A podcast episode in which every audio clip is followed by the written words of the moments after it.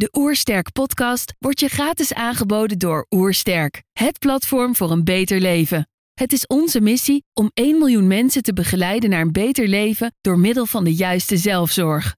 Wil je weten hoe jij kunt werken aan een beter leven? Ga dan naar www.oersterk.nu gezondheidscheck voor onze gratis gezondheidscheck en krijg direct jouw uitslag met persoonlijk advies. Vanaf het najaar oktober 2023 tot februari 2024 start een nationale theatertour, oftewel Tour Sterk. Heb jij ook zin in een avondje lachen, maar ook vooral inzicht te krijgen waar je levenslang van profiteert. En dat je bewuster, vitaler naar huis gaat, een unieke beleving hebt samen met mij, zodat we samen het gezondheidsvirus verspreiden in Nederland en België. Want dat heeft de moderne tijd enorm nodig. Ik sta nog niet in Carré in Amsterdam, maar wel 26 kleine theaters bij jou in de buurt. Dus hopelijk kom je naar mij toe, want ik kom naar jou toe en zien we elkaar snel. Mijn naam is Marijn van der Laar, slaapwetenschapper en je luistert naar de Oersterk podcast. Je hebt een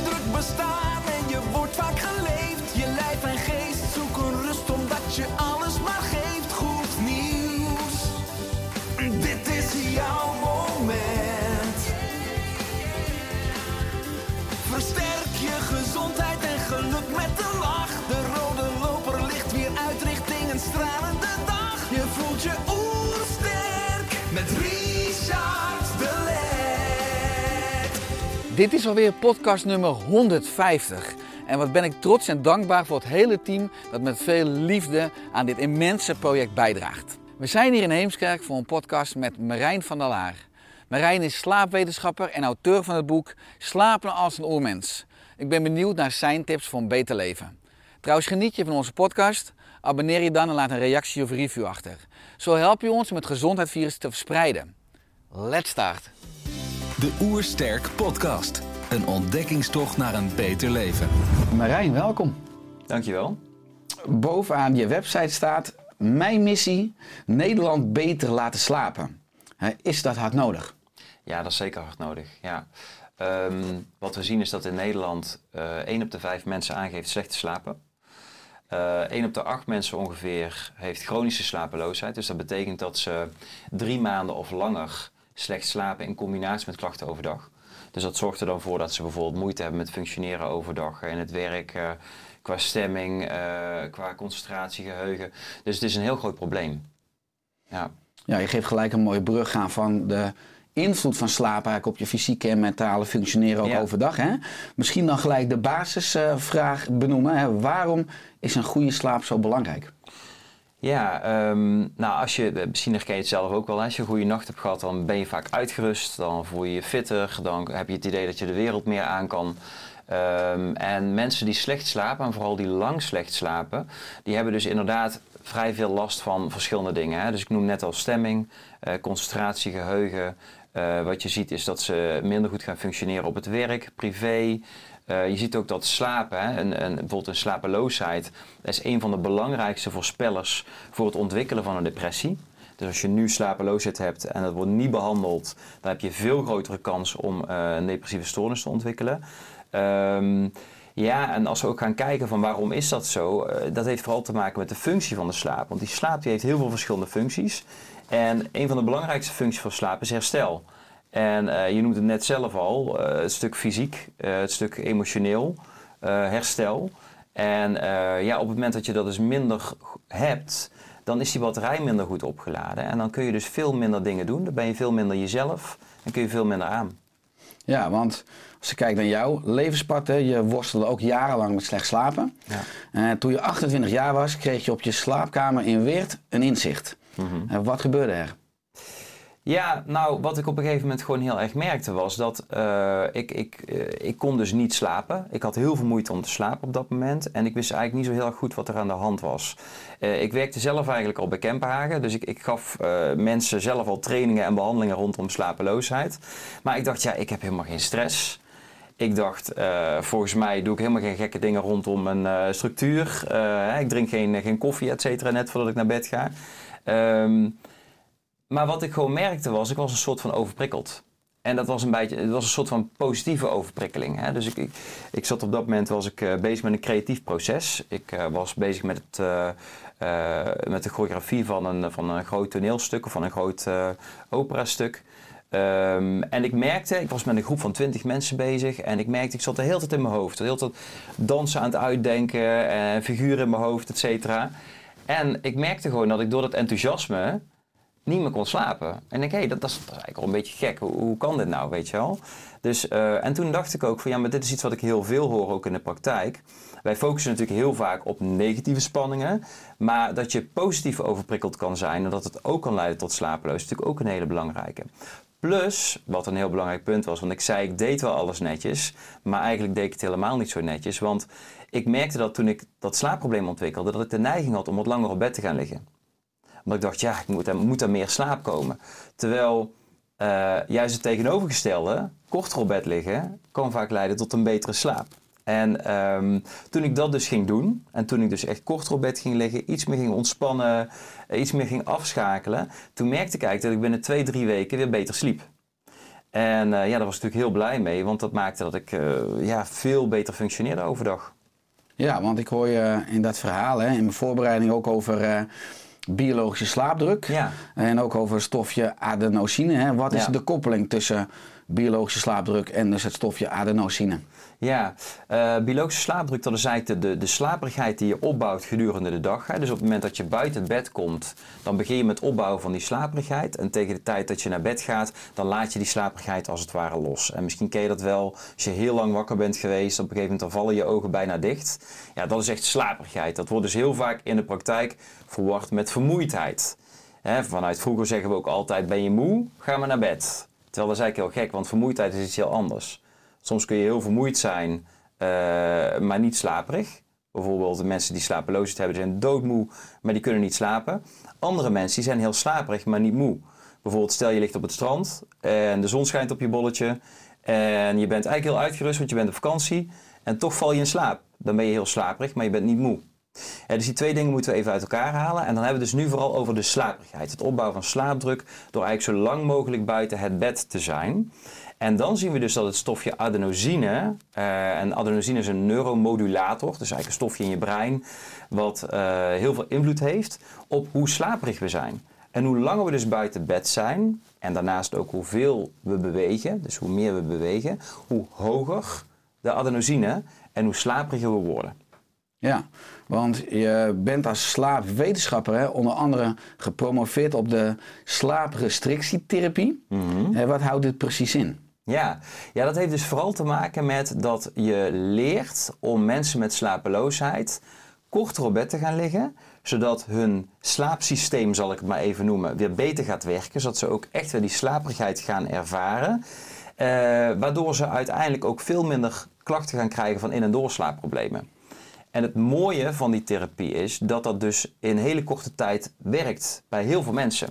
Dus je ziet zo, in mijn onderzoek zag je dat uh, ongeveer tussen de 80 en de 85 procent van de mensen met slapeloosheid reageren op die behandeling binnen een aantal weken.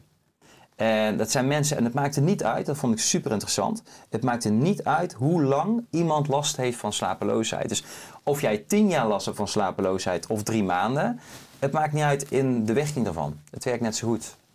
Ja, dus dan is het ook een valkuil als je moe bent en dus morgens als de wekker gaat een uur of blijft snoezen en in je bed blijft liggen. Dat is dus wat je dan niet moet doen. Ja, dat je denkt ik ben zo moe, dus ik blijf maar liggen. En dan zit je dus weer op die vermoeidheid. En we willen juist met die slaperigheid aan de slag. Ja. Nou, ook promoveerde je op het onderwerp persoonlijkheid en slaap, hè, zag ik. Vind ik interessant. Hè? Welke verschillen zag je dan tussen misschien verschillende persoonlijkheden en slaap? Ja, wat, wat uh, ik, mijn promotie eigenlijk begonnen met een soort review, hè, waarbij ik alle uh, onderzoeken tot dan toe over persoonlijkheid en slaap heb gebundeld. En ik heb daarin vooral gekeken van wat zijn nou patronen? Vind ik patronen? Want ik, ik vond het heel gek, want in de literatuur waren er een paar dingen die elkaar tegenspraken. Dus er waren een paar artikelen die zeiden, nou mensen met slapeloosheid, die zijn perfectionistisch en die, uh, die hebben allerlei uh, uh, angstgevoelige persoonlijkheidstrekken. en een ander artikel, daar kwam dat juist weer helemaal niet uit. En toen ben ik dat allemaal gaan bundelen, ben ik dat gaan, gaan bekijken. En toen vond ik bepaalde patronen. En die, die patronen die duiden erop dat mensen die geen bijkomende psychologische problemen hebben, dat die vaak eigenlijk helemaal niet zo heel veel verschillen van mensen die geen slapeloosheid hebben.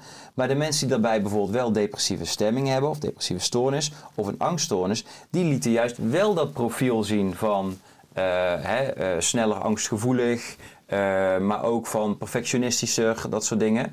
Dus ehm, het interessante was dat het onderzoek wat zei, we verschillen heel erg als mensen met slapeloosheid, geen rekening had gehouden met dat er misschien ook bijkomend iets anders zou kunnen spelen. En dat is bij 50% van de gevallen wel zo. Dus mensen met slapeloosheid hebben vaak in 50% van de gevallen ook bijkomend een psychische stoornis daarnaast. Ja, interessant als je dan breder gaat kijken naar persoonlijkheid en Ja. gedrag. Hè? Want je hebt een achtergrond als GZ-psycholoog Ja. en gedragstherapeut. Eh, ook was je docent aan de huisartsopleiding. Ben je Ja, misschien ben ik nog? nog steeds, Ben nog ja. steeds, hè? Ja. Eh, maar je kwam er toen achter dat mensen met slaapproblemen vaak niet de zorg krijgen of kregen die ze nodig hadden. Ja. En hoe kwam je hierachter? Ehm, nou, heel simpel door, door onderwijs te geven over slaap en, en ook te vragen van wat doen jullie nu? Dus als iemand met slapeloosheid bij je komt op het spreekuur, eh, wat doe je dan als huisarts? En, en dan kwam er, ja, dan kijken we, verwijzen we vaak naar thuisarts.nl. Dat is dan zo'n website waar, waar huisartsen vaak naar verwijzen, waar algemene informatie staat. En ja, dan, eh, dan, dan laten we bijvoorbeeld de POH-GGZ meekijken. Dat is dan de psycholoog in de, in de psychologenpraktijk of in de, in de huisartsenpraktijk. Ehm, maar eigenlijk kwam er niet veel meer uit, behalve koffie verminderen, alcohol verminderen eh, en dat soort dingen. Dat ik dacht, ja, maar dit, is, dit zijn niet echte werkzame dingen die dat slaapprobleem aanpakken. En dat bleek ook uit de verhalen van die huisartsen in opleiding. Want die zeiden, ja, we doen dit wel, maar we hebben er eigenlijk niet zoveel vertrouwen in. Het werkt eigenlijk niet zo heel goed. Mensen komen niet terug, zijn niet echt tevreden. Dan moeten we ze weer doorversturen of doorsturen. Ehm, dus dat kwam ik heel veel tegen. En toen dacht ik, ja, hier moeten we wel echt iets aan doen. Ja. En welke stappen zijn ertoe genomen? Nou, het is heel mooi, want toen ik me dat besefte, tegelijkertijd kreeg ik de vraag van de Universiteit van Nederland van zou jij een keer een eh, filmpje willen maken over slaap en waar wil je het dan over hebben? En toen zei ik, nou, ik wil het eigenlijk wel hebben over eh, slaaprestrictie bij mensen met slapeloosheid. En eh, toen is daar een filmpje van gemaakt waarom je geen acht uur slaap nodig hebt. Wat een beetje een, een, een striktitel is. Want dat gebeurt natuurlijk vaker. Er wordt er een titel boven gezet die, die aanlokkelijk is. Eh, want er zijn natuurlijk mensen die wel acht uur slaap nodig hebben, maar ook heel veel die geen acht uur slaap nodig hebben. Ehm, en daarin benoem ik eigenlijk de verschillende stappen die je kunt ondernemen als je slaaprestrictie zelf wil toepassen. En daar begon het mee. En toen vanuit daar kreeg ik allerlei vragen van, goh, kun je trainingen geven? En toen dacht ik, ja, dit, dit, dit, eh, mensen zijn hierin geïnteresseerd. Ik moet hier iets meer mee doen. En toen ben ik ook het boek Slaap als een oermens gaan schrijven. Ook omdat ik zelf altijd geïntrigeerd ben door de evolutionaire basis van slaap. En ook omdat het vaak zo gek is hoe wij nu met eh, hele lichamelijke dingen omgaan. Eh, het klopt eigenlijk bijna niet met hoe ons lijf werkt. En dat is ook echt de basis voor mijn boek geweest. Ja, mooi. Ik ga zo wat dieper in eh, op je boek. Je benoemt net de presentatie die je gegeven hebt bij de Universiteit van Nederland. Stond in een schitterende studio. Ja. Ik heb het filmpje uiteraard eh, gezien. Eh, ik denk dat bepaalde neuromarketing mensen heel goed zijn om in die clickbait titels te Ja, maken. Hè? Want je gaat gewoon zeker, klikken en je wil kijken. Nou, je ligt toe waarom je helemaal geen 8 uur slaap nodig hebt, hè, de titel. Maar dat de meeste mensen zo 4,5 à 5 uur diepe slaap nodig hebben. Eh, hoe zit dit precies? Hè? Want je gaat daar Ja. ook in op, op de kernslaap, wat voor mij ook een nieuw woord was. Klopt, ja. ja. Het is zo dat die 4,5 uur tot 5 uur, dat is eigenlijk je basis. Daarin vindt dus de meeste diepe slaap plaats. Eh, je hebt verschillende typen slaap. Hè. Je hebt de droomslaap, je hebt de diepe slaap, je hebt de lichte slaap. Ehm, en eh, wat we vooral zien is dat voor lichamelijk herstel en voor de basisfuncties van je lichaam, dat daar vooral die diepe slaap heel erg belangrijk voor is. Dus spiergroei, weefselherstel, eh, maar ook de basisfuncties wat betreft geheugen bijvoorbeeld. Dat vindt allemaal plaats, eh, de versterking daarvan tijdens de diepe slaap.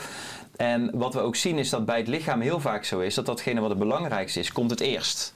Hè, dus datgene wat belangrijk is voor overleving, komt het eerst. En als je nou gaat kijken naar hoe onze slaap gedurende de nacht vordert in bijvoorbeeld een uurtje of zeven, dan zien we dat in de eerste 4 tot 4,5 uur de meeste diepe slaap voorkomt. Daar komt ook wel een stukje lichte slaap in voor en ook een stukje droomslaap in voor. Maar de meeste diepe slaap die vindt plaats in de eerste 4 tot 4,5 uur. En als je dan gaat bedenken vanuit evolutionair oogpunt van waarom is dat zo, natuurlijk super interessant. Want op het moment dat er dreiging is, of dat er oorlog is, of dat er roofdieren zijn om je heen, want we wonen nu in een hele veilige omgeving, maar dat is natuurlijk niet altijd zo geweest, dan moesten wij natuurlijk met vrij korte tijden slapen weer kunnen reageren. En dan zeggen sommige mensen, ja maar remslaap is ook heel belangrijk. Juist, remslaap is zeker belangrijk. Maar dat is belangrijk vooral voor bijvoorbeeld emotionele verwerking en dat soort dingen. Maar als er een beer naast je bed staat, dan is het heel leuk dat je dingen emotioneel kan verwerken. Maar dan moet je de spieren hebben om te kunnen rennen. En dat is ook wat ik altijd zeg van die kernslaap, dat is je basisslaap, dat is het fysieke herstel. Dat zorgt ervoor dat jij in ieder geval je batterij wat op kan laden. En alles wat je daarboven krijgt noemen we dan ook restslaap. Ja, mooi, want dat heeft eigenlijk al een eh, brug met de titel van je boek. Hè? Eh, Ja. Een stukje evolutionaire context qua slaap. Omdat je ook beschreef, en dat vond ik wel heel erg logisch, dat juist als je te lange diepe slaap hebt, dan ben je kwetsbaar. Eh, maar aan de andere kant besefte ik ook dat om diepe slaap toe te laten, moet er ook dus een bepaalde mate van veiligheid zijn. Ja. En misschien ook wel een bepaalde emotionele veiligheid. Als je als kind opgroeit in een Ja. enorm eh, onveilig gezin, Ja. of je hebt een conflict in je relatie, of op je werk, of je hebt twijfels misschien ook emotioneel in je zenuws over je bestaansrecht, dat het ook doorwerkt in de slaap, in de diepe Zeker. slaap. Ja, zeker. Wel, eh, heel mooi dat je dat zegt, want, want hè, naast slaapomstandigheden, hè, zoals licht en dat soort dingen die we allemaal kennen, of heel veel kennen, eh, en, en zeg maar het opbouwen van slaapdruk, is natuurlijk spanning en ontspanning een hele belangrijke. Want op het moment dat jij heel gespannen bent of je hebt een basisgevoel van onveiligheid, dan zal jouw lichaam ook minder de prioriteit geven aan slaap. Want als jij in een onveilige situatie zit of hebt geleerd het is onveilig, dan wil jouw lichaam inzetten op reageren. Dus wat gaat er gebeuren? Je krijgt problemen met inslapen en je krijgt problemen met doorslapen. Waarom krijg je problemen met doorslapen? Omdat je tussendoor wil checken of je omgeving nog oké is. En als mensen bij mij komen en zeggen ja, ja ik, heb, eh, ik heb een burn-out en ik slaap heel slecht, ik snap er niks van, ik ben doodmoe en ik slaap slecht, dan zeg ik ook altijd ja, maar wat je ziet is dat je al die tijd hebt geleerd om met een hoogspanningsniveau te werken. Dus jouw lijf is in gaan zetten op alertheid. Kunnen reageren als er stress of spanningen zijn. En daarom heb je nu tijd nodig om als het ware weer die, die veiligheid te kunnen ervaren. En je ook weer over te geven aan de slaap. Ja, want ik zie ook dat er meerdere factoren dus een rol spelen bij een goede slaap. En specifiek dan vier pijlers: fysiek, mentale omgeving en gedrag. Ja, klopt. Ja. Eh, hangt een goede slaap ook één op één samen met de gezondheid van het brein? Eh, ja. Met en- kip of ei natuurlijk, want Ja, ja, een slechte slaap ja. een negatief effect op het brein. Maar Ja, zeker, zeker. Nou ja, wat, wat natuurlijk wel belangrijk is, is zeker in die diepe slaap, daarin vinden allerlei herstelprocessen plaats. En wat we ook bijvoorbeeld zien, is dat ehm, eh, er een soort opruimactie plaatsvindt iedere nacht in ons brein. En dat houdt in dat bepaalde toxines, dus giftige stofjes, die worden verwijderd uit ons brein. Je moet zo zien dat brein is de hele dag aan de slag. Dus er komen afvalstoffen vrij. En die afvalstoffen, dat is heel leuk, is de afgelopen jaren heel veel onderzoek naar gedaan. Die afvalstoffen die worden dus verwijderd uit ons brein, doordat er een soort van vocht doorheen gepompt wordt, waardoor die toxines afgevoerd kunnen worden via het bloed. En dat vindt vooral ook plaats in die diepe slaap.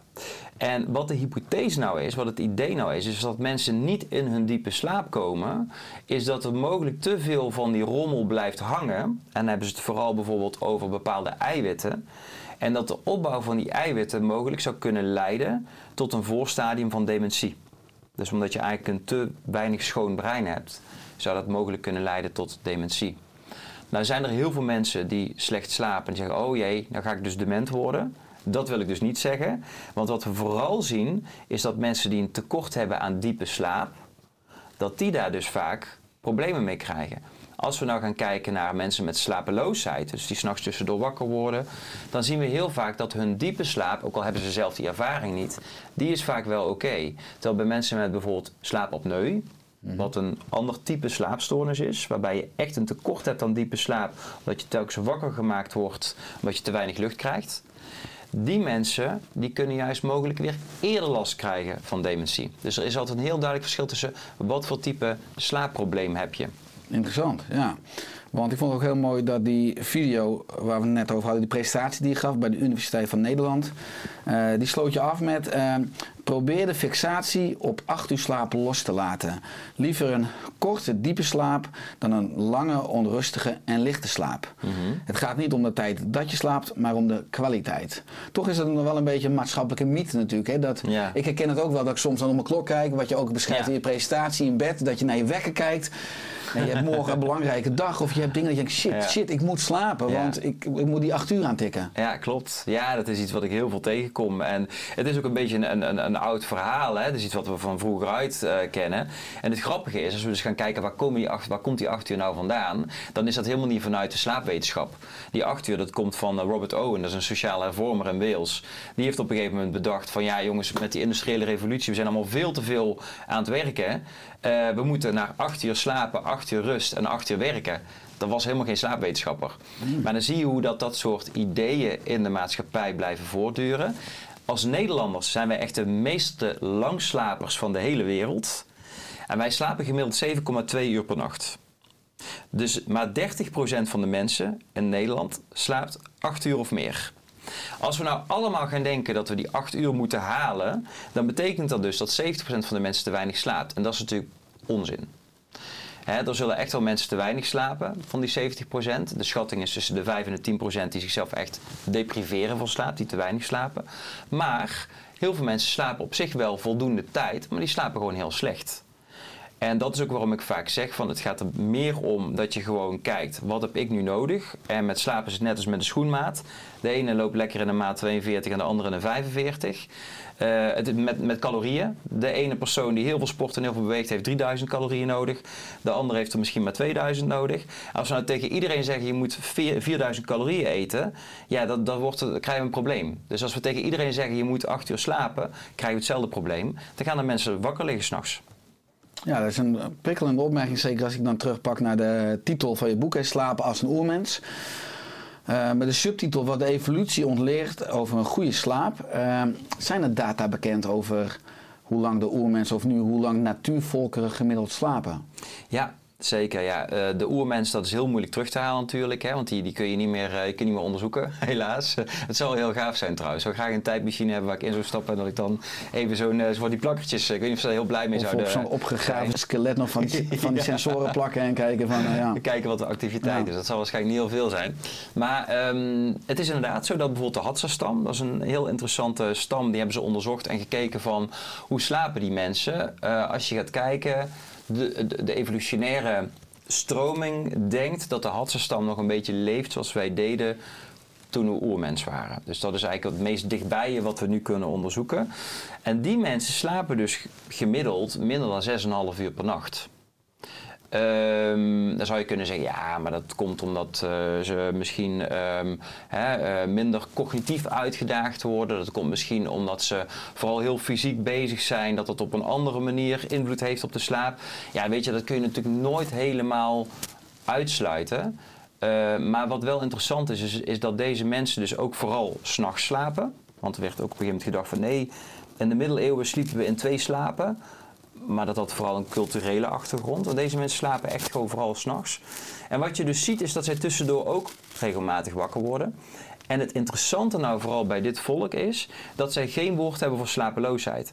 Dus zij eh, eh, kennen dat niet. En waarom niet? Omdat als je wakker bent s'nachts, dan ben je gewoon een toffe peer. Want dan kun je namelijk jouw stamgenoten aangeven, er is gevaar. Dus je helpt eigenlijk de groep te overleven. Dus eigenlijk zijn de mensen met slapeloosheid nu, dat zijn de helden van vroeger. Ja, dus dat is een stukje framing qua context eigenlijk. Ja, Ja. ja. boeiend. Wa- Wat voor reacties krijg je allemaal op het boek? Eh, vooral heel veel leuke reacties. Wat mensen vaak zeggen is dat het mooi is dat het en een wetenschappelijke verwijzing geeft, maar ook gemakkelijk leesbaar is. En eh, in slaapland zie je vaak twee stromingen. Of het is heel populair eh, geschreven, maar de evidence voor bepaalde dingen die is gewoon niet heel duidelijk. Of het is heel wetenschappelijk geschreven voor professionals, eh, waardoor je eh, als je zelf last hebt van slapeloosheid bijvoorbeeld, of je wil wat meer weten over slaap, denk van ja, waar gaat het allemaal over? Droog, saai. Het is droog, het is saai. Het is, weet je, dus, dus ik, ik had zoiets van, nou, we gaan een boek schrijven wat daartussenin zit. Wat in principe je tante kan lezen, maar wat wel ehm, inhoud heeft. Dat was in ieder geval mijn doel. Ik hoop dat het gelukt is. Ja, en krijg je ook wel eens eh, de feedback, wat misschien in jouw context een compliment is, dat mensen het boek slaapverwekkend vinden? Eh, heb ik nog niet gehad, maar ik zou het wel heel grappig vinden. Ja. In principe is het een compliment ook als mensen slapeloosheid Ja, hebben ja, en door de inzichten van het boek weer, Weer gaan, slapen. Maar, nou, ja. dat, dat, dat wel hoor. Dat mensen wel echt zeggen van, van goh, ik heb eh, een aantal dingen toegepast en ook een aantal oefeningen en dingen die je zelf kan doen. Waardoor ze zeggen, nou ik heb wel meer inzicht, ik ben relaxter nu over die slaap. En vanaf het moment dat ik het gelezen heb, ben ik gewoon wel beter gaan slapen. En dat vind ik wel mooi om te horen. Dat is natuurlijk ook mijn doel. Ja, heel waardevol met een een enorm grote impact in het persoonlijk leven. Ja. Ehm, op je website eh, staat ook: beter slapen kun je leren. Eh, waarom hebben we nooit iets over slapen geleerd? Mhm. Je bedoelt op, eh, op de basisschool, op de middelbare school, Ja. et cetera. Ja, dat is, een- dat is een hele goede vraag. Ik ben daar nu trouwens wel mee bezig. Dat is heel leuk. Ik ben bezig met de gezonde school. Dat is eh, een, een project waarin leraren leren hoe dat ze over slaap kunnen onderwijzen naar lagere en middelbare school, scholieren. Eh, omdat ze toch wat meer aandacht aan besteden zijn aan preventie op scholen. En ook eh, vinden dat naast sport en beweging, waar toen ik jonger was heel veel aandacht aan besteed werd. Hè. Je had volgens mij vier uur gym of zo per week. Maar over slaap en over voeding eh, leren we heel weinig op school. En het is wel leuk dat daar nu dat initiatief is en dat ik er ook aan mee kan werken. Ja, want ik, mijn oudste zoon is 13, eh, zit in de tweede van de middelbare school. En eh, wat ik hoor ook, kijk, Noah die eh, moet zijn mobiel s'nachts gewoon beneden houden in de woonkamer. Maar ook klasgenoten hebben hem in de slaapkamer op een nachtkastje. En hij staat soms op 's morgens en dan hebben ze met de klas een groepsapp. Zegt hij, wow, 178 berichten. Maar dat gaat soms de hele nacht door. Oh, en ja, ja, dat ja. vind ik, ik ben ook blij als puber dat ik geen mobieltje heb gehad. Want ik sliep altijd lekker, want ik had geen afleiding, ik had geen optie. Ik denk dat dat voor deze generatie sowieso, denk ik, dat ik mijn universiteit, ik heb nooit een her gehad, maar veel lastiger doorlopen had als ik continu die, eh, nou, die snoeptrommel in mijn broekzak had gehad, zeg maar, die digitale snoeptrommel aan. Ja, ja. ja. Maar merk je dat ook natuurlijk als je het dan nu wel hebt over de, ja, de nieuwe generatie kinderen die soms al nou, rond tien jaar al een iPhone van hun ouders krijgen, omdat de vriendjes het ook al hebben. Maar Ja. het heeft natuurlijk wel een invloed, ook, tenminste dat vul ik nu in, maar kan het invloed hebben op de slaap als die ook in de slaapkamer verblijft? Ik denk het zeker. En ik denk ook wat je net zegt is van heeft het een invloed? Wat we zien is dat eh, pubers, er is ook een onderzoek van de RIVM geweest, dat als, als pubers op hun telefoon zitten net voordat ze naar bed gaan, dat ze dan vaak toch wat meer moeite hebben om te slapen. Dat de slaapkwaliteit vermindert. Eh, dus dat is natuurlijk een interessante. Eh, wat we ook zien is als we naar grote onderzoeken gaan kijken, bijvoorbeeld van oké, zijn we minder aan het slapen bijvoorbeeld de afgelopen 25 jaar, dan zie je dat de volwassenen niet minder slapen dan 25 jaar geleden, maar dat de pubers van nu wel minder slapen. Dus er is wel een shift in eh, aan het gebeuren. Daarom is het ook goed dat we er vroeg bij zijn, denk ik, bij die, bij die pubers en die lagere scholen, om iets te vertellen over slaap en hoe belangrijk slaap is. Ehm, dus ik zie dat zeker, dat, dat die mobieltjes invloed hebben.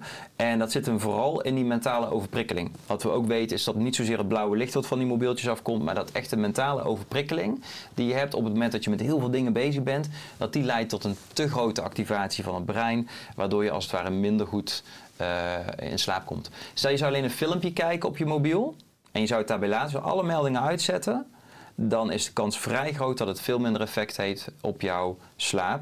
Maar dat doet natuurlijk bijna geen enkele puber. Want dan komt er toch weer een appje binnen, of toch weer een ditje of een datje. Is dat ook een beetje dan dat het default mode netwerk te weinig aanstaat? Dat deel van het brein dat juist bij lummelen en ontspanning Ja. juist alle prikkels Ja. eh, zeg maar opbergt, waardoor je ook lekker ontspannen kan slapen. Dat dat systeem eigenlijk pas gaat werken als je, als je dan in bed gaat liggen. Ja, ik denk dat je daar echt wel de spijker op zijn kop slaat. Eh, dat is denk ik een heel groot probleem. En dat is natuurlijk ook het probleem waar, waar mijn slaapprobleem mee begon. Hè? Dus, eh, dus de- het is ook een beetje, steekt natuurlijk ook hand in eigen boezem. Waardoor ik dit ook allemaal ben gaan doen. Dat ik dacht van, hé, hey, wat, wat gebeurt hier nou eigenlijk? En ik denk dat dit probleem echt centraal is voor wat er nu met de huidige generatie aan het gebeuren is. Dus dat, dat, dat kinderen eh, eigenlijk wat te veel overprikkeld worden. Waardoor de ontprikkeling en een, rustig brein ehm, heel moeilijk te bereiken is. Ja. ja, de grap was, ik was afgelopen week in een hotel in Amsterdam. Want ik moest het programma voor mijn tour eh, uitwerken, waarmee ik eh, eind september ga starten. En eh, ik wilde eten in een restaurant aan het ei, maar ik moest met een pont over. Met een en, eh, er ging maar één, eh, één veerpontje en ik kwam aanfietsen. En ik moest 11 minuten wachten, want er stond ook sorry, excuus, de vaart er maar één, soms vaart er twee. En dan moet je dus minder lang. Eh, en allemaal Amsterdammers kwamen aan fietsen. En eh, ik kon het zien, bijna iedereen heeft AirPods trouwens. Dat viel me ook op, waar ik geen voorstander van ben. Maar dan moet je 10 minuten staan wachten. En ik, nou, ik was daar natuurlijk een nachtje weg. En ik zit naar de schepen te kijken en om me heen. I- iedereen pakt zijn telefoon. En Mhm. dat zie ik ook als ik met de trein reis. Alle lege momenten blokken. Dat je met elkaar kan praten. Of dat je naar, naar in ieder geval een Ja, eh eer gedachten verzonken kan raken. Eh, iedereen pakt zijn telefoon. Dat is altijd wel op social of een. Ja. appje. Of, en, en dat gaat de hele dag natuurlijk door wat we met ons brein doen. Ja, zeker. En dat heeft natuurlijk heel veel met dopamine te maken. Hè? Dus op het moment dat je dat stofje waar je natuurlijk gelukkig van wordt, op het moment dat je telkens die telefoon pakt, krijg je een prikkel van hé, hey, dit is fijn, dit is fijn. En op een gegeven moment blijf je dat eigenlijk als het ware doen. Dus heel veel, heel veel mensen is het gebruik van die telefoon echt een verslaving. Ehm, het nadeel is inderdaad dat continu die, eh, die neural circuits, die staan continu aan. Dus dat maakt dat je eigenlijk een soort overprikkeling van je brein krijgt. En dan, maar je blijft het wel doen. Ja, maar Ja. Het voelt- zo lekker natuurlijk. Nou, Ja. Ik vond het bizar om ook te aanschouwen. Dat ik dacht van, eh, wat zijn Ja. we een grappige diersoort geworden. Ja. Eh, en nogmaals, ik ben zelf ook niet heilig hoor. Ik pak hem ook af en toe. Dat Ik denk, ook, doe het nou niet. Ehm, maar je hebt als expert ook bijgedragen aan het tv-programma Bizarre Slapers. Ja. Hoe was dat? Ja, dat was wel heel erg bijzonder, want ik had daarvoor nog nooit eh, ervaring gehad eh, in de media. Eh, dus als ik het nu ook terugkijk, dan denk ik, jeetje, wat was ik daar houterig zeg. SBS6 was het. Ja, was Ja. SBS 6 Ja. inderdaad. Ja. Dus het was, het, het was wel ook. Ik heb volgens mij ook maar één aflevering gezien van alle afleveringen, want de rest die kon ik niet meer aan. Je bent kritisch functioneren. Ja. Dat is wel herkenbaar hoor. Ja. Zeker. Dat ik dacht van, nou weet je, dit... eh, Dus nee, het, het was een hele leuke ervaring. Wat ik vooral heel erg tof vond, was, was dat ik met... eh, ik, ik werkte met negen mensen, met allemaal verschillende typen slaapproblemen, die vooral te maken hebben met weer een ander type slaapstoornis, waar we het nog niet over gehad hebben. Parasomnie. Dus dat zijn een beetje de exotische slaapproblemen, zoals slaapwandelen, eh, ehm, eh, slaapparalyse, dus verlamming. Op het moment dat je 's ochtends wakker wordt, dat je je lijf niet kan bewegen. Wat heel angstaanjagend kan zijn. Maar ook bijvoorbeeld eh, problemen met eh, het ritme van je slaap. Dus echt problemen met pas om vier uur s'nachts in slaap vallen en dan pas om drie uur smiddags wakker worden. Ehm, en dat, dat werken met die mensen was gewoon zo leuk. En eh, ook dat je echt merkte aan het eind van, hé, hey, we hebben echt wel resultaat geboekt. En ik heb met sommige mensen nog steeds contact. En dat, is gewoon, dat was gewoon echt een leuke reis. Dus daar heb ik vooral heel erg van genoten. En wat ook wel leuk is, is dat eh, op die manier ook het ja, de, de, de, slaapproblemen die komen bij parasomnie heel even in het licht gezet werden. Want er is vaak weinig aandacht voor. Het gaat vaak over slapeloosheid. Maar slaapwandelen kan natuurlijk ook een hele heftige consequentie hebben. Zoals een van de, van de, van, de jongens die, die was van de balkon afgesprongen s'nachts. eh tijdens de slaap. Ja, dat, dat, dat zijn dingen die natuurlijk brengen je in direct gevaar op dat moment. Voor mij waren dat negen mensen die gevolgd Ja. werden. En wordt er ook gevolgd, het programma is klaar natuurlijk, het staat Ja. op een de band. En eh, Ja. zo'n programma gaat weer door of, of, of trekt nieuwe mensen aan of gaat weer Mhm. naar een nieuw format. Eh, maar weet je ook over langere tijd dan hoe het met die mensen gaat? Ja, met een paar wel. Dus eh, ik heb met een paar nog contact. En eh, wat leuk is, is dat, ze aangeven dat ze de tips en de adviezen nog steeds heel erg gebruiken. En dat het- parasomnie is een gevoeligheid ook. Hè? Dus je hebt vaak een gevoeligheid en als er stress is of als er onregelmatigheid is in bedtijd, et cetera, dan kan het ook weer terugkomen. Maar dat ze op een gegeven moment wel weten van wat kan ik doen als het weer opkomt. En eh, dat is eigenlijk wat ik vooral terugkrijg. En dat is wel heel mooi. Dus eh, eh, ze, ja, een aantal mensen geven aan dat ze echt wel beter functioneren nog steeds. Mhm. Ja, dan heb je het mogelijk ook over gezonde routines. Hè? Ja. Misschien voor de ochtend of voor de dag, ook voor de avond. Eh, wat is, of is er een sterke avondroutine voor een goede slaap? Ehm, er zijn wel een aantal punten waar je op kan letten. Maar ik vind het altijd heel belangrijk om een beetje een maatpak te maken. Hè? Wat voor de ene werkt, werkt voor de andere vaak niet. Hè? Dus bijvoorbeeld mediteren. Nou, sommige mensen die kunnen dat prachtig. Daar ben ik bijna jaloers op als ze dan in een lotushouding eh, een beetje zitten te hummen. Nou, chargeer ik een beetje. Maar er zijn ook heel mensen die op een andere manier mediteren. Maar, ehm, maar voor mij werkt het niet. Dus, eh, en dat geldt ook voor heel veel patiënten. Dus heel veel mensen die, die, die zeggen van, goh, voor, mij werkt dit gewoon niet. En dan is het vooral belangrijk om te kijken van, maar wat werkt nou bij jou wel? En als jij bijvoorbeeld een heel druk hoofd hebt, eh, wat ik bijvoorbeeld heb. Hè, dus ik heb vaak vrij veel gedachten en creatieve dingen in mijn hoofd. En dan denk ik, oh, ik wil dat doen of dat doen. Eh, dan kan het soms helpen om juist iets te doen wat iets actiever is. Waardoor je net iets meer afleiding hebt. Waardoor je uiteindelijk wel dat brein wat rustiger kan krijgen. En dan moet je vooral niet gaan mediteren. Dan moet je bijvoorbeeld vooral eh, even een filmpje gaan kijken. Of je moet even een puzzel gaan maken of, of wat dan ook. Ehm, dus dat is wel wat ik belangrijk vind in de avondroutine. Kijk vooral hoe hoog jouw niveau van activatie is qua gedachten.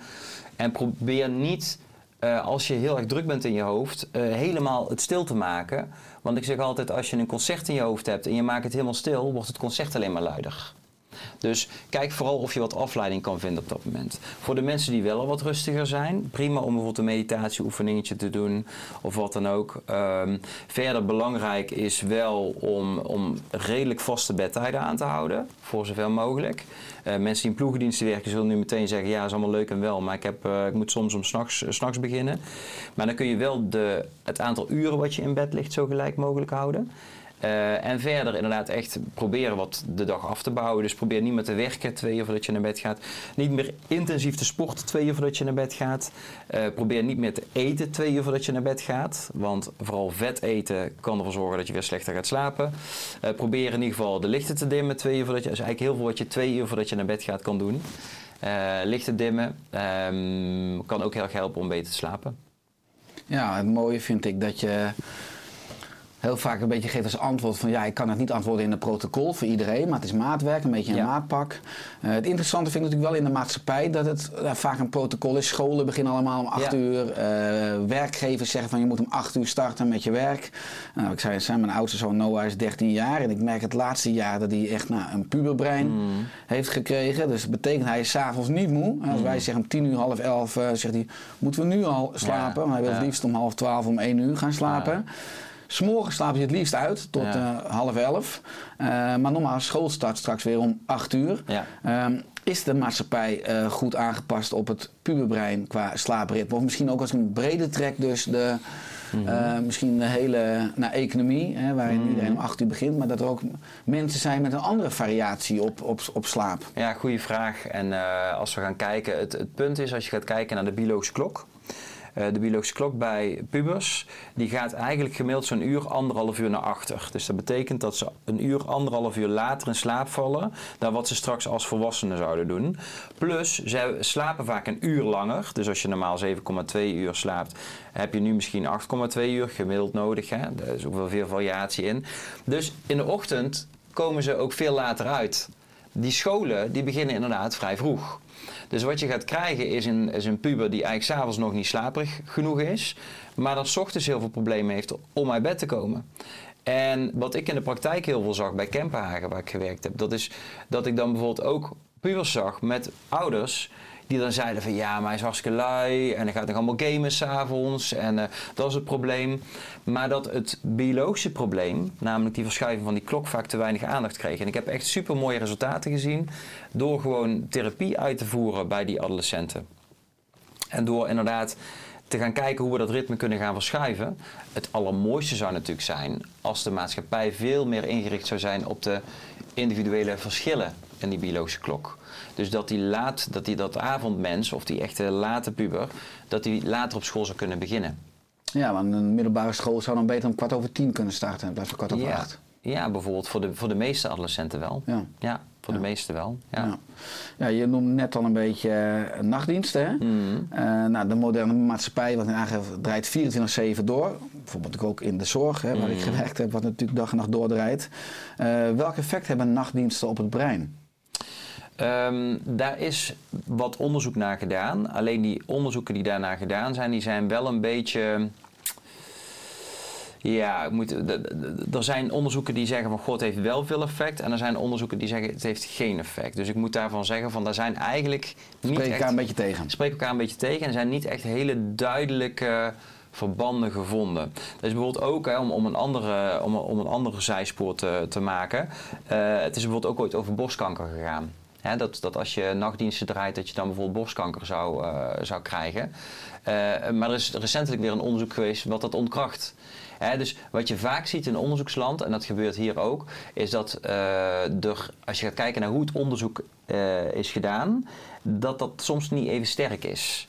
En dat er dan soms een beetje gekeken wordt naar significantieniveaus, hè, maar dat er niet echt gekeken wordt van is het klinisch relevant. Dus heeft het ook daadwerkelijk effect in de praktijk. En wat ik meestal doe als ik naar die onderzoeken kijk, is ik kijk wel ook naar dat andere stuk van oké, maar wat zegt het nou eigenlijk? Want dat je daar een, een, een, significantieniveau vindt is interessant, maar wat betekent dit nu? Dus, dus daar kunnen we op dit moment nog te weinig over zeggen. Ja, enerzijds is het soms spelen met data, wat niet per se een groot impact is in de praktijk. Anderzijds is het ook een, een eh, uitdaging om soms zo'n headline te maken, ook dat media het oppakt. Waardoor je soms ook ja, al ja. de, de, zeg maar, wat je, als je het echt gaat verdiepen, dat, dat je het enorm uit de context kan trekken. Zeker, Met- zeker. En het begint vaak al met een, met een kop. Hè? Dus die kop die wordt vaak door andere mensen gemaakt dan de mensen die het stuk schrijven. Dat weten mensen vaak niet. Maar dat betekent dat als jij meeschrijft aan een stuk, weet je bijna nooit wat voor kop erboven komt. Dat is altijd een verrassing. Dan kun je ervoor kiezen om niet mee te schrijven aan het stuk, maar dan kun je je inhoud niet brengen aan de mensen.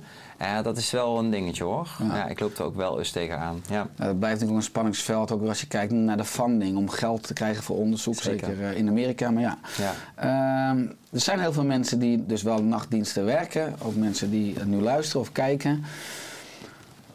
Heb je bepaalde tips dat je zegt, nou, om waarmee je het eventuele dan wel niet negatief effect kan bufferen, kan opvangen? Voor de nachtdiensten. Hoe het kan compenseren, ja. Ja. ja, er zijn een paar dingen waar je rekening mee moet houden. Ben je iets meer een ochtendmens of ben je iets meer een avondmens? Hè? Dus ochtendmensen die zijn vaak rond een uur of tien normaal gesproken al slaperig en zijn vaak rond een uur of zes, half zeven zijn die wakker. Bij een avondmens dan eh, word je vaak pas rond een uur of twaalf, half één echt half twaalf, twaalf uur zo'n beetje slaperig. En dan ben je ook vaak pas wat later uit bed. Eh, en alles wat ertussenin zit. Nou, neig je wat meer naar een ochtendmens. Die mensen hebben vaak meer moeite met het doen van nachtdiensten. Dus bij die mensen moet je vaak kijken of ze van tevoren een dutje kunnen doen. Voordat ze de nachtdienst ingaan. En dat dutje er maar best wel een lange dutje zijn. Dus bijvoorbeeld anderhalf uur. Nou, als je bijvoorbeeld s s'avonds laat moet beginnen met je nachtdienst en het lukt je al om rond een uur of half tien, negen uur half tien een, een, een lange dut te doen, dan is dat wel meegenomen. Heb je daar in ieder geval wel even een stukje slaap gehad. Ehm, voor die ochtendmensen is dan ook het vervelende. Dan komen ze hun dienst uit en dan zitten ze in de ochtend waarin ze vaak juist heel actief zijn. Dus die krijgen daar weer het nieuwe probleem. Dat ze soms dan weer moeite krijgen om in slaap te vallen. Wat dan heel belangrijk is, is om echt even downtime te nemen. Als je heel fit bent, als je terugkomt van je nachtdienst, zorg dat je een zonnebril draagt voor het licht. Dat zorgt ervoor dat je in ieder geval eh, minder zon op je net, of minder licht op je netvlies krijgt. En dat je melatonine een beetje kan gaan opbouwen. Ehm, en als je thuis komt in een donkere kamer verblijven, even iets doen wat ontspant. En dan bijvoorbeeld proberen te slapen. Dus vooral bij de ochtendmensen. De avondmensen zullen wat minder moeite mee hebben. Ehm, en wat ik daar meestal ook wel zie is dat het slapen op zich wel goed gaat. Of beter gaat bij avondmensen. Ehm, maar die hebben dus ook niks aan die dut vooraf. Want die zijn er vaak te fit. Ja. Ja, want ja, het is interessant wat je zegt dat eh, je op de terugweg uit je werk een zonnebril op kan zetten, hè, onderweg naar huis. Ik las ook een artikel wat je deed met een collega. Eh, waarin advies gegeven wordt dan misschien liefst in het openbaar vervoer. Hè, maar als we dan gaan kijken, dan, Ja. Nou ja, wat je natuurlijk, als je al een beetje slaperig bent, moet je geen zonnebril opzetten. Dat is wel een beetje een, wel belangrijke moet toevoeging. je wakker blijven natuurlijk als je zelf tuurlijk. auto rijdt. Maar interessant, want onderzoek laat zien dat als je minder dan 4 uur en 24 uur hebt geslapen, dat je een 15 maal grotere kans hebt op het veroorzaken van een auto-ongeluk. Klopt, ja. Ehm, en het interessante is natuurlijk ook dat als je gedurende een week veel minder slaapt, dat het hetzelfde effect kan hebben als rijden met eh 1.0 promillage. Ja, klopt. Eh, Ja. Nou, als je het hebt over eh, alcohol en autorijden, Ja. daar is wetgeving, ook politiek. hè. Ja. Moet de politiek ja, hier ook beleid op instellen? Want het komt natuurlijk vrij veel voor dat er allerlei mensen aan het verkeer deelnemen. Die misschien ook nou, veel nachtdiensten werken of gewoon iets slaaptekort hebben. Ja, er zijn testen voor. Hè? Dus je kunt testen of dat iemand slaperig is achter het stuur. Daar is, wel, daar is ook wel wat over te doen geweest. Maar dat doen ze eigenlijk met, eh, met zeg maar een soort van, van ogentest. Dus een soort van pupilreflextest, zeg maar. Ehm, eh, maar ja, het lastige is, krijg dat er maar eens doorheen. Eh, want er zijn heel veel mensen die, eh, ja, die inderdaad korter, korter op bed liggen, die wisselende diensten doen. Ik zou er voorstander van zijn. Want ik denk als je gaat kijken naar de resultaten die je net noemt, die ik zelf ook ken, dat is gewoon dat het, het rijden met alcohol, nou daar weten we allemaal van, dat is niet geaccepteerd. Terwijl als jij een uurtje slaapt en je kruipt daarna achter het stuur, niemand hè, die er iets van vindt, geen haan die ernaar kraait. Terwijl er heel veel auto-ongevallen gebeuren met dodelijke afloop door te weinig slapen. Ja, volgens mij heb je een keer een experiment gedaan bij Ja. Tom Coronel, hè, wat Ja, ik tegenkwam. Bijvoorbeeld, waar ook, die moest 24 uur moest hij voor mij rijden. Ja. En jij deed dan steeds testen hoe het was met zijn alertheid. Ja, die moest inderdaad 24 uur eh, wakker blijven. En vervolgens moest hij, een, eh, moest hij een rijtest doen. Ja, en wat je zag was inderdaad dat op het moment dat hij wakker moest blijven, eh, dat hij echt ja, vervolgens toch wel slecht, het slechter deed. En dat je met name merkt dat zijn aandacht verslapte. Mhm. Ja. Ja, dus jij bent ook 24 uur wakker gebleven toen. Nee, nee, nee, nee. Oh, dat- dat er zijn hele mooie opnames van hem gemaakt. Ik heb die nacht heerlijk geslapen. Dus... dus- ik was heel fit bij de opnames ochtends. Dat is beter. ja. Ehm, je bedrijf heet Zorg voor Slaap. Ja. Eh, de missie is beter slapen voor iedereen. Dat doe je niet alleen via voorlichting eh, en preventie van slaapproblemen, maar ook eh, via het coachen van zorgverleners bij de behandeling van slaapproblemen. Hè, en dit alles volgens de laatste wetenschappelijke inzichten rondom slaap. Hè. Welke recente inzichten zou iedere zorgverlener moeten of mogen weten? Ja, ik denk een, een, een, de allerbelangrijkste is waar we het al een beetje over gehad hebben, is dat eh, stukje rondom slaapdruk en adenosine. Nou is dat al wat langer bekend, maar vooral de laatste jaren is er vooral bekend dat de behandeling van slapeloosheid en de kern van de behandeling van slapeloosheid, dus het meest effectieve stukje, vooral zit op slaaprestrictie, dus korter op bed liggen. Ehm, en dat is niet bij iedereen bekend. Bij heel veel mensen is dat niet bekend. Het leuke is dat we nu op, de, op die website, die thuisers.nl, dat nu hebben staan. Waardoor mensen dat zelf ook kunnen opzoeken op thuisers.nl. Dus dat heet dan, ik ga korter liggen als behandeling om beter te slapen. Dus als je daarop zoekt, dan vind je ook die methode. Dus dat is voor de mensen thuis denk ik ook wel leuk om, eh, om terug te lezen. Hoe ziet dat eruit? Ehm, dus dat is één ding. Ik denk dat stukje rondom eh, adenosine en slaaprestrictie. Ja, en wat verder natuurlijk heel erg belangrijk is, is dat, dat mensen weten hoe slaap werkt in het algemeen. Want als jij, al, eh, als je al allerlei ideeën hebt over de slaap, van je moet inderdaad acht uur slapen, alle uren voor 12 tellen dubbel. Wat voor een avondmens heel vervelend zou zijn, want die gaat dan net slapen. Dus dat klopt ook niet. Joop Zoetemelk, hè? Die Ja. heeft dat eh Ja, ja, erin gebracht. precies. Ja. Ja, ja. In de collectieve geheugen. Ja. Ja, maar dat soort dingen, dat soort ideeën en dat soort verwachtingen leven er in heel veel mensen hun hoofd. En dat is ook heel normaal, want dat horen we de hele dag. En wat ik denk wat vooral belangrijk is voor zorgverleners, maar ook vooral voor, voor mensen zelf, is dat ze weten dat hoe slaap werkt. Zoals je ook weet hoe voeding werkt. Je weet als je 6000 calorieën per dag gaat eten, dat je dikker gaat worden voor de meeste mensen. Eh, dus, en dat, dat is met slaap zitten daar ook een aantal basisdingen in. En als je dat allemaal weet, dan denk ik dat we heel veel minder slapeloosheid zouden hebben in Nederland. Ja, maar ook als je kijkt naar eh, de seizoenen, hè, is er een verschil eh, qua slaaplengte in de zomer versus de winter. Dus hebben we in Ja. de winter meer slaap nodig? Ja, het is wel zo dat we in de winter wat meer slapen. Dan is de vraag natuurlijk, heb je dan ook meer slaap nodig? Ehm, dat is een, ja, ik denk dat het meer te maken heeft met onze biologische klok. Dat onze biologische klok gewoon reageert op licht en op donker. En dat zie je ook vooral bij die onderzoeken. Dat is dat ze in de ochtend dus ook eerder wakker zijn, waarschijnlijk ook door het licht. En dat, dat licht ook heel erg activeert. En er zijn sommige mensen die zeggen, ja, maar ja, ik heb, ik heb verduisterende gordijnen. Op het moment dat je die gordijnen opentrekt, krijg je wel op een vroeger tijdstip al een lichtprikkel. Ja. Ja. ik ben over na aan denken wat je zegt. Want in de zomer heb je natuurlijk veel meer lichturen. Ja, En dan slapen mensen iets minder. slapen mensen minder. Ja, Ja. dus... eh, En dat je- heeft hem vooral met de ochtend te maken. Dus die mensen worden, worden vaak eerder wakker. ja, en in de winter heb je natuurlijk veel meer donkere uren. Ja. En dan slapen mensen iets langer. Ja, en dan slapen mensen langer. Maar je hebt minder lichturen overdag. Je hebt minder lichturen overdag in de, in de winter inderdaad. Ja. Plus temperatuur is mogelijk ook nog een factor die meespeelt. Dus wij doen het vaak, wij slapen vaak beter als het wat koeler is. Ja. Ook in de slaapkamer. Ook in de slaapkamer. Ja. kan best eigenlijk rond tussen de 16 en de 18 graden zijn. Omgevingstemperatuur is prettig. Daar eh, slapen wij vaak het beste op. Ja. Je hebt ook bijgedragen aan de slaapcheck van de Hersenstichting. Klopt. Eh, zie ik ook staan op de site van de Hersenstichting. Eh, hoe was dat? Ja, dat is wel heel erg leuk. En de Hersenstichting doet wat dat betreft wel heel goed werk. We hebben binnenkort ook een ronde tafelbijeenkomst met z'n allen. Dus dat betekent dat er een aantal spelers op het gebied van slaap in Nederland gaan samenzitten van hoe kunnen we de zorg rondom slaapproblemen verbeteren. En daar is de Hersenstichting ook, eh, ja, ook een van de initiatiefnemers in. En die Hersenstichting die dacht op een gegeven moment van nou weet je, we hebben een soort van bewegingscheck van hoeveel bewegen mensen overdag en eh, hoe, hoe kunnen we dat stimuleren. En die slaapcheck die is er vooral voor bedoeld om mensen te stimuleren om meer aandacht te hebben voor hun slaap slaapprobleem. En daarin ook ehm, eh, ja, zeg maar initiatief te kunnen ondernemen om mijn eigen slaap te verbeteren. Dus eh, er komen een aantal tips uit, een aantal adviezen uit op basis van de vragen die jij beantwoordt. En eh, daar heeft, naast dat ik eraan heb meegewerkt, ook Sebastian Overeem aan meegewerkt. Dat is mijn oud co-promotor geweest. Dus die heeft ook meegedaan met mijn onderzoek destijds. En we hebben dus allebei meegedacht in hoe dat die vragenlijst tot stand is gekomen. Waardevol. En dat is voor mij gewoon gratis, hè? Ja, kun je website, gratis doen. Ja. Nou, je weet natuurlijk enorm veel over eh, slaap. Wat je niet alleen met dit uurtje deelt, maar in je boeken en met al jouw diensten. Heb je zelf nog wel eens een slechte nacht? Ja, eh eergisteren. ja, en dat, weet je, het leuke is vooral dat ik eh, merk dat op het moment dat dat nu gebeurt, dat ik er eigenlijk heel chill over ben. En dat ik ook meteen ga denken, ja, de, dat is natuurlijk logisch dat ik een slechte nacht heb.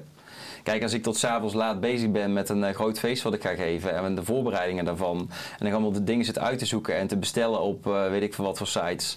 En ik ben helemaal druk en ik heb het allemaal helemaal in mijn hoofd. En ik ga dan vervolgens in bed liggen. Dan denk ja, oké. En ik word dan 's ochtends om vijf uur wakker. En ik val pas om één uur in slaap. En dan denk ik, ja, Marijn, eh, dit is natuurlijk niet zo heel erg handig. Dus ook ik ben natuurlijk niet eh, wat dat betreft eh, altijd eh, volgens het boekje. Maar wat ik wel merk is dat ik daar vroeger heel erg van door uit balans zou zijn. En dat ik nu denk, ik snap het. Dus ik kan er ook iets aan doen. Hou je dan rekening mee met de dag erop dat je misschien wat moeier bent met je activiteiten? Na één nacht niet. Nee. Ik merk ook als ik één nacht een keer slecht slaap, dan doe ik de dag erna ga ik gewoon sporten. Mijn sociale activiteiten zet ik ook gewoon door. En dat is ook vaak wat ik tegen mensen met slapeloosheid zeg, die niet meteen opgelost is. Is probeer dan te kijken naar hoe kun je je leven rondom je slapeloosheid zo inrichten dat het wel voor je gevoel waardevol en betekenisvol is. Wat ik zie in de praktijk is dat er heel veel mensen zijn die zeggen: Ik ben mijn slaapprobleem. Dus, en dat is ook logisch, want als je bed komt, je partner vraagt: Heb je geslapen vannacht? Je komt op je werk, je collega vraagt: Oh, waar zie je er, waar zie je er moe uit? Heb je wel goed geslapen? Dat gaat de hele dag door.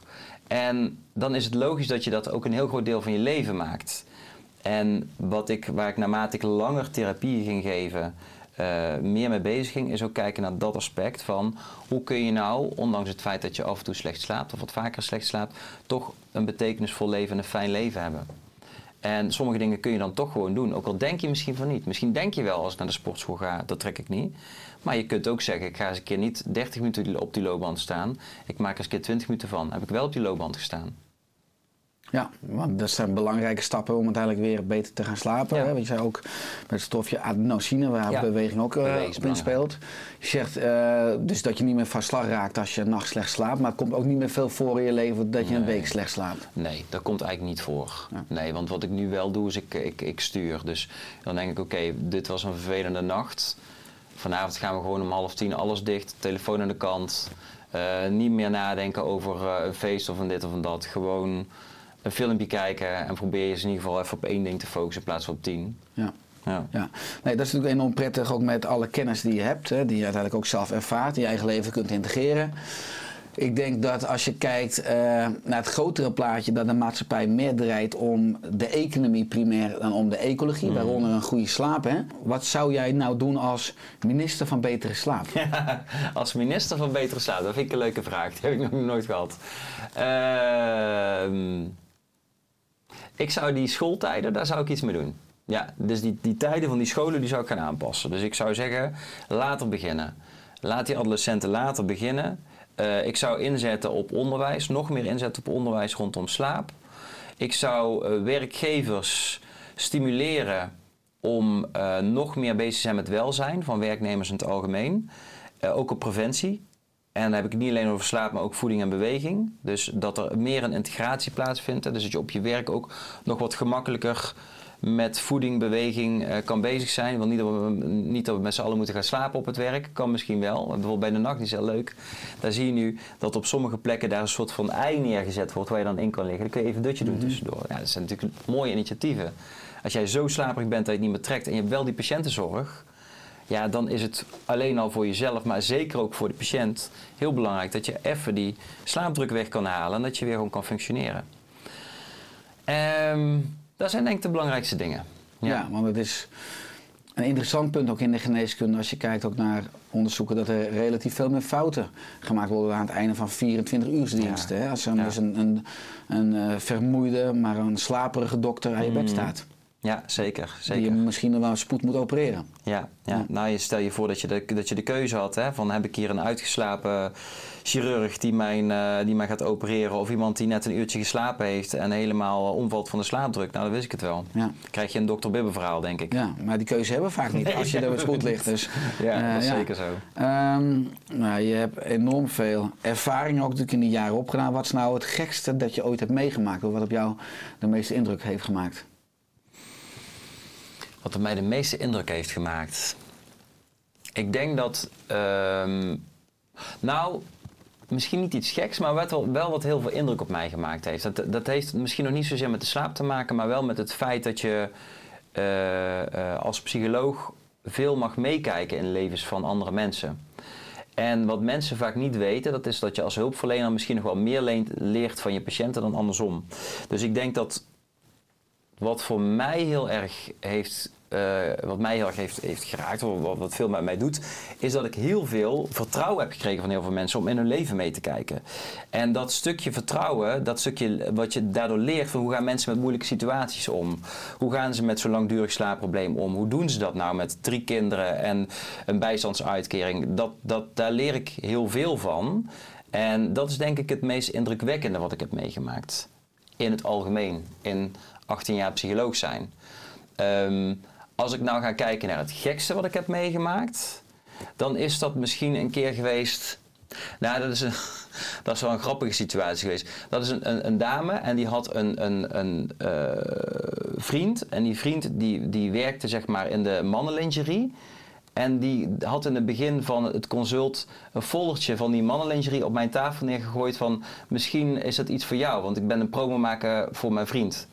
En toen wist ik, had ik heel even geen protocollenboek van hoe ik daar zeg maar op dat moment mee om moest gaan. Kan ik korting krijgen? Ja. Nee. Wat ja. raar? Ja, nee, snap ik. Nee, dus dat, dat, was, dat is denk ik wel het gekste geweest. En toen was ik ook echt, van normaal gesproken heb ik meestal wel een antwoord klaar.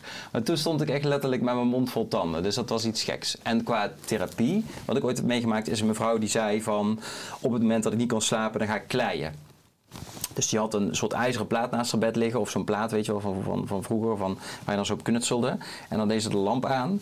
En dan ging ze, als ze niet, ging slapen, eh, als niet kon slapen, ging ze knutselen.